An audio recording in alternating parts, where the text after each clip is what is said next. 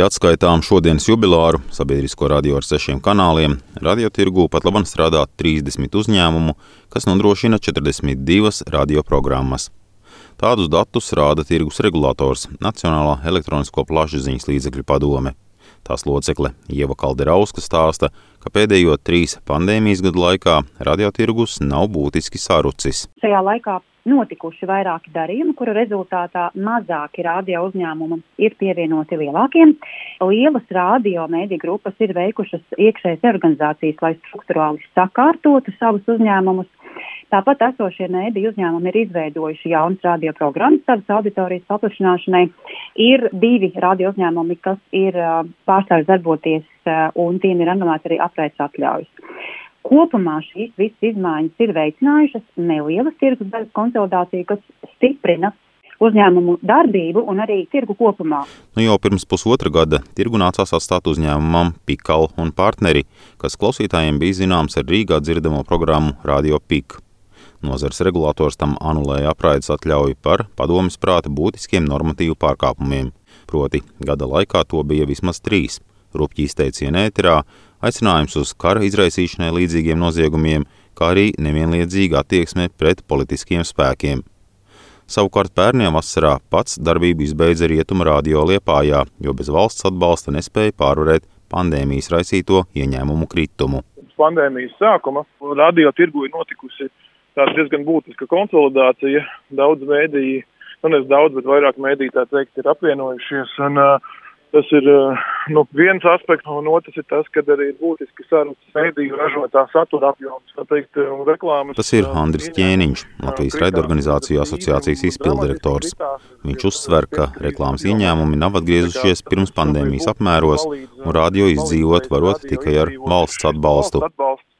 Bet tas tāpatās nenodrošina radio darbības, teiksim, kaut kādu iespēju attīstīties vai pat turpināt tā, kā tas bijis agrāk. Līdz ar to tā tendence uz satura, ordinālu satura apjomu samazināšanos un uz kaut kādu potenciālu mm, apvienošanos, droši vien, ka būs, būs vērojami.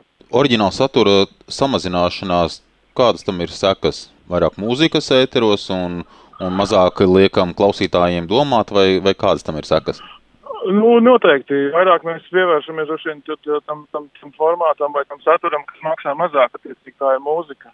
Un mazāk vien saturs, kas, kā, kā jūs minējāt, liek domāt jā, un, informē uh, sabiedrību par kaut kādiem notikumiem. Un, protams, ka līdz ar to nu, tas informatīvais saturs, kas tiek radīts Latvijā, tas samazinās. Un tā nav tikai radio industrijas problēma.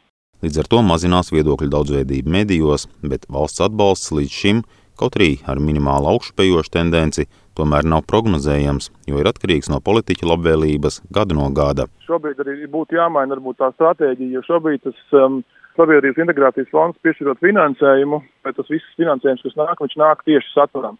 Un te ir jautājums, vai tas ir pareizā pieeja, valsts finansē saturu. Mums būtu jādomā par kaut kādu šī finansējuma vai atbalsta mehānisma nu, maiņu, lai tas vairāk varbūt atbalstītu šos mēdījus, um, dot viņiem iespēju nu, teikt, attīstīties ilgtermiņā, jo šis finansējums ir tā, tā kā uz gadu vienam konkrētam projektam, neparedzot kaut kādas ilgtermiņa attīstības iespējas. Netik skeptiski ir mediju eksperte Gunta Līdaka, kas radiotirgu sauc par stabili noturīgu arī pandēmijas apstākļos.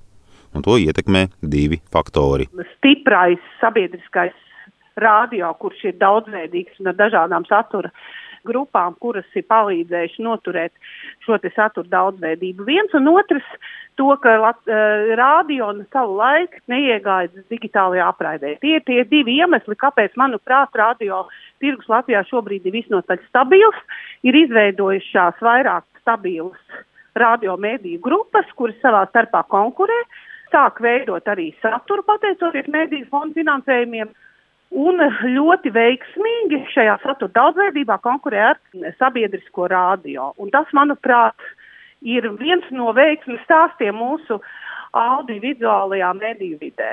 Eksperta Līdaka kā vēl vienu pozitīvu iezīmi min politiskās ietekmes mazināšanos radiotirgū, jo politiķi arvien mazāk veido radio uzņēmumus savam politbiznesam. Līdz ar to nozara kļūst profesionālāka. Edgars Kupčs, Latvijas radio.